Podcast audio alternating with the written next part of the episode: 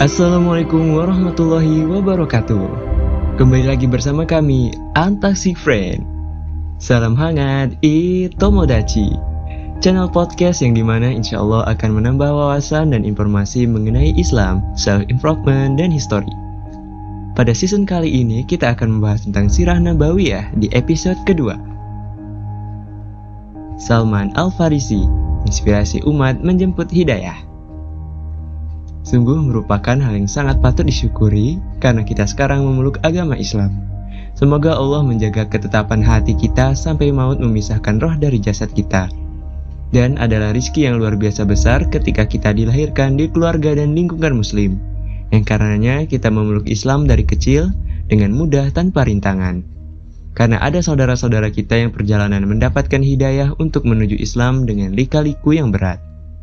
Ada satu kisah yang menginspirasi kita semua dalam pencarian hidayah ini. Kisah yang akan terkenal sepanjang masa sebab kedahsyatannya adalah Salman Al-Farisi radhiyallahu an, seorang berkebangsaan Persia yang memeluk Islam setelah perjalanan yang sangat panjang.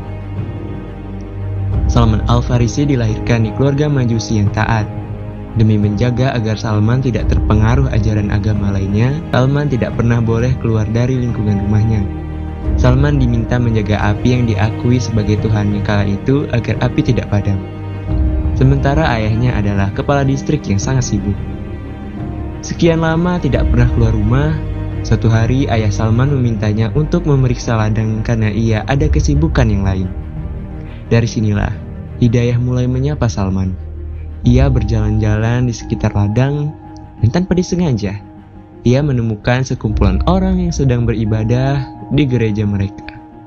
Mereka adalah kaum Nasrani yang sedang mengerjakan ibadah. Salman kagum dengan ibadah mereka. Salman akhirnya mendapat informasi bahwa agama tersebut dibawa dari Syam. Setibanya di rumah, ia menanyakan kepada ayahnya dan mengatakan bahwa agama tersebut lebih baik daripada agamanya. Sontak ayahnya pun marah. Namun Salman tetap teguh pada keyakinannya. Akhirnya Salman diikat di rumah. Tetapi, ia sempat menitipkan pesan kepada seseorang agar memberitahunya kalau ada orang Syam yang mengunjungi daerahnya.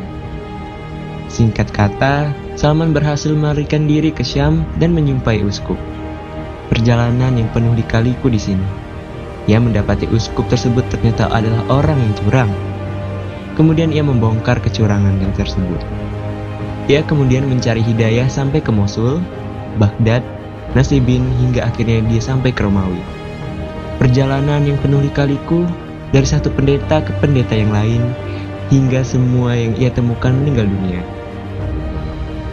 Hingga pendeta yang terakhir pun berkata, Wahai anakku, aku tidak mengetahui ada orang yang masih berada di atas ajaran kami yang aku memerintahkan kepadamu untuk menjumpainya. Akan tetapi, telah datang kepadamu masa kenabian. Ia diutus di atas agama Ibrahim, bangkit di tanah Arab. Pendeta tersebut menceritakan ciri-ciri Nabi Muhammad Shallallahu Alaihi Wasallam. Pada dirinya terdapat tanda-tanda yang tidak tersembunyi. Mau makan hasil hadiah orang dan tidak memakan sedekah dari orang lain. Di antara dua pundaknya terdapat tanda kenabian. Jika engkau bisa pergi ke negeri itu, maka lakukanlah. Salman akhirnya bertolak ke Jazirah Arab dengan rombongan yang kebetulan datang ke Romawi. Akan tetapi Salman dianiaya hingga dia kemudian dibuang dari rombongan dan dijual ke seorang Yahudi Arab. Namun alangkah mengejutkannya bahwa Salman ternyata dibuang di Arab dan orang Yahudi tersebut selanjutnya menjual Salman kepada keponakannya yang ternyata ia berasal dari Madinah, tempat Nabi berada. Akhirnya Salman ke sana kemari menanyakan informasi tentang Rasulullah. Hingga suatu hari datanglah berita tentangnya. Salman kemudian ingin membuktikan apakah Nabi Muhammad benar-benar nabi seperti yang diceritakan pendeta Romawi. Ia mengumpulkan kurma kemudian menyedekahkannya kepada Nabi. Dan ternyata benar bahwa Nabi tidak memakannya. Dia memberikannya kepada orang-orang yang ada di sekitar beliau. Salman kemudian mengumpulkan lagi kurma-kurma dan memberikan kepada Nabi sebagai bentuk hadiah. Ternyata Nabi memakannya. Kedua tanda ini mungkin saja mudah diuji coba. Kini Salman akan menguji coba yang tanda ketiga. Salman berpikir keras bagaimana menguji tanda kenabian yang ada di antara kedua pundak Nabi.